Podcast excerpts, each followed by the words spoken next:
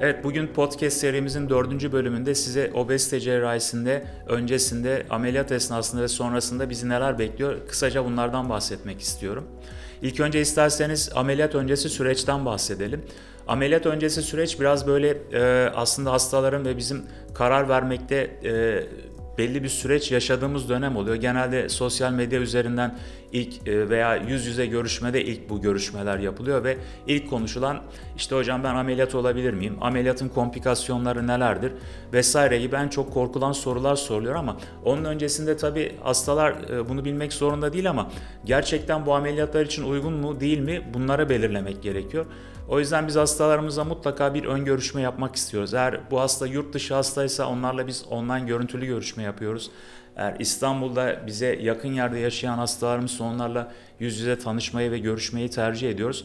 Buradaki amacımız Evet hasta bir e, ameliyat e, hasta kafasında bir ameliyat planlamış olabilir ama bazen de ameliyat için uygun olmayabiliyor. İşte en önemli kısım bunu belirlemek.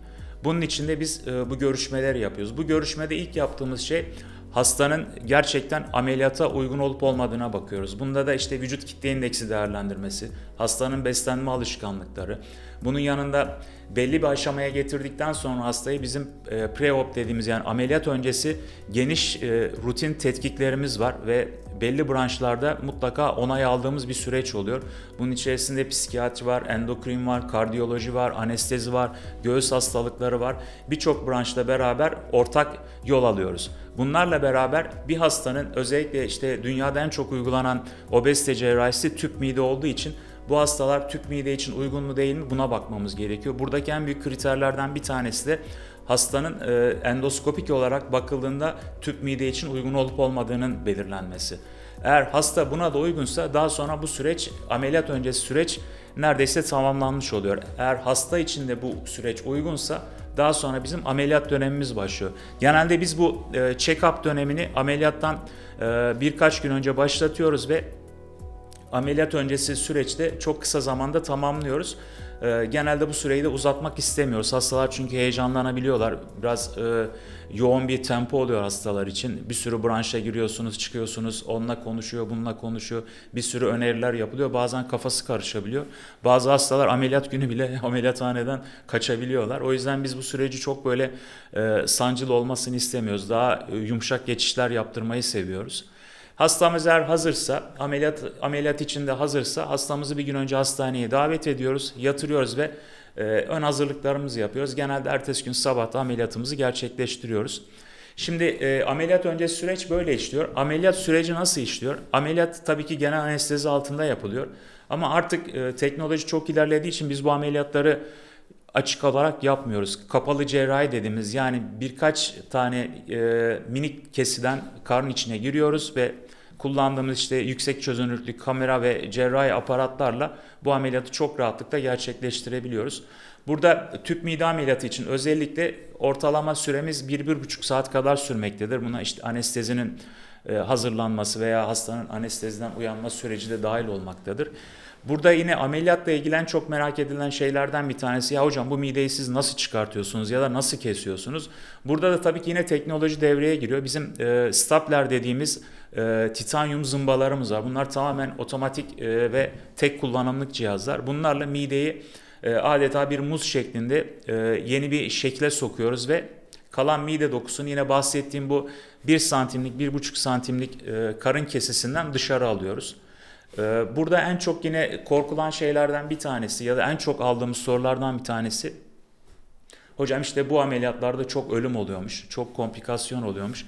Aslında baktığınız zaman bu ameliyatlardaki ölüm oranları ya da komplikasyon oranları bizim diğer yaptığımız ameliyatlardan çok farklı değil. Yani bir safra kesesi ameliyatından çok daha yüksek değil. Çünkü artık biz bu ameliyatlarda neyle karşılaşacağımızı çok iyi biliyoruz ve öncesinde çok rahat tedbir alıyoruz. İşte e, pıhtı atma için pıhtı atma gibi bir komplikasyon olabiliyordu önceden. Şu anda artık yok denecek kadar az. Bunun içinde biz öncesinde işte özel kan sulandırıcı iğneler kullanıyoruz. O yüzden hastalarımızda ne ameliyat esnasında kanam oluyor ne de sonrasında bir pıhtı riski oluyor. Ya da işte bacaklara uyguladığımız basınçlı e, hava yastığı diyelim kaba tabiriyle. E, bunlar e, pıhtı oluşumunu engelleyen hep bizim öncesinde tedbirini aldığımız şeyler. Ameliyat sonrası diğer en çok korkulan şeylerden bir tanesi de hocam işte kaçak oluyormuş, fistül oluyormuş, böyle şeyler duruyoruz. Hastalar sürünüyormuş, biz çok kötü günler geçiriyormuş, hatta ölümle sonlanabiliyormuş diyorlar. Evet işin tabii ki bir e, cerrahi olduğu için komplikasyon yanı da var ama bunlar tabii ki çok düşük oranlar. Eğer eğer doğru hastaya düzgün malzeme kullanarak ve düzgün bir yerde ameliyat ediyorsanız bu riskler artık minimumda. Yok denecek kadar az. Yani günümüzde artık kaçak oranı son derece düşük.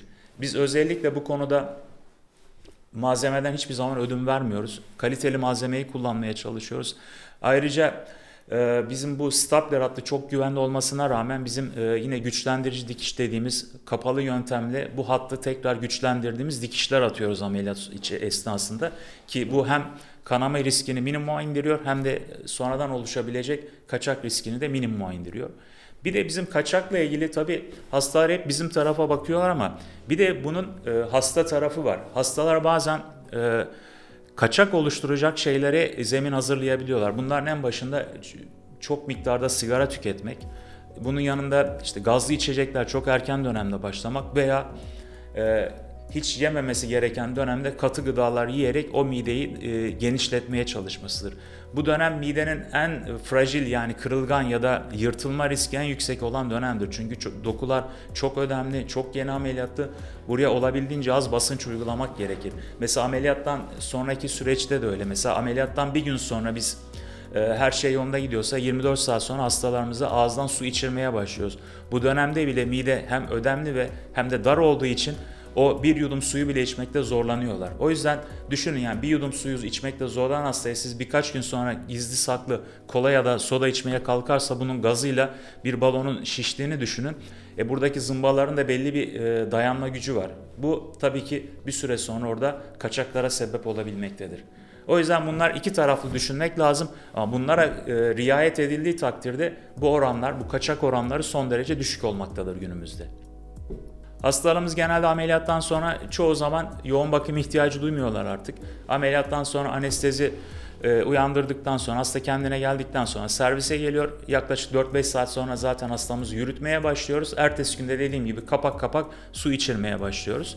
Ondan sonraki süreçte de artık eğer iki, e, her şey yolunda gittiyse ikinci veya üçüncü gün hastamızı taburcu ediyoruz ve bu arada tabii ki diyetisyenimiz bütün bu süreçte bize hem öncesinde hem sonrasında eşlik ediyor. Sonrasında da biz 6 ay boyunca kendi bariyatrik diyetisyenimizle bu süreci yönetmeye başlıyoruz. Tabii ki biz hiçbir zaman bu işin dışına çıkmıyoruz. Bariyatrik diyetisyenimiz tabii ki bütün takiplerini düzenli şekilde yapıyor ama orada tabii ki biz de işin içinde oluyoruz hep. En ufak problemle, en ufak sıkıntıda yolunda gitmediğini düşündüğünüz her şeyde bizle beraber yolunuza devam ediyorsunuz. Evet, bugün podcast'imizin dördüncü serisinde sizlere e, obezite cerrahisinde en çok kullanılan yöntem olan tüp mide ameliyatının öncesi, ameliyat esnası ve ameliyat sonrası süreçleriyle ilgili kısa bilgiler verdim.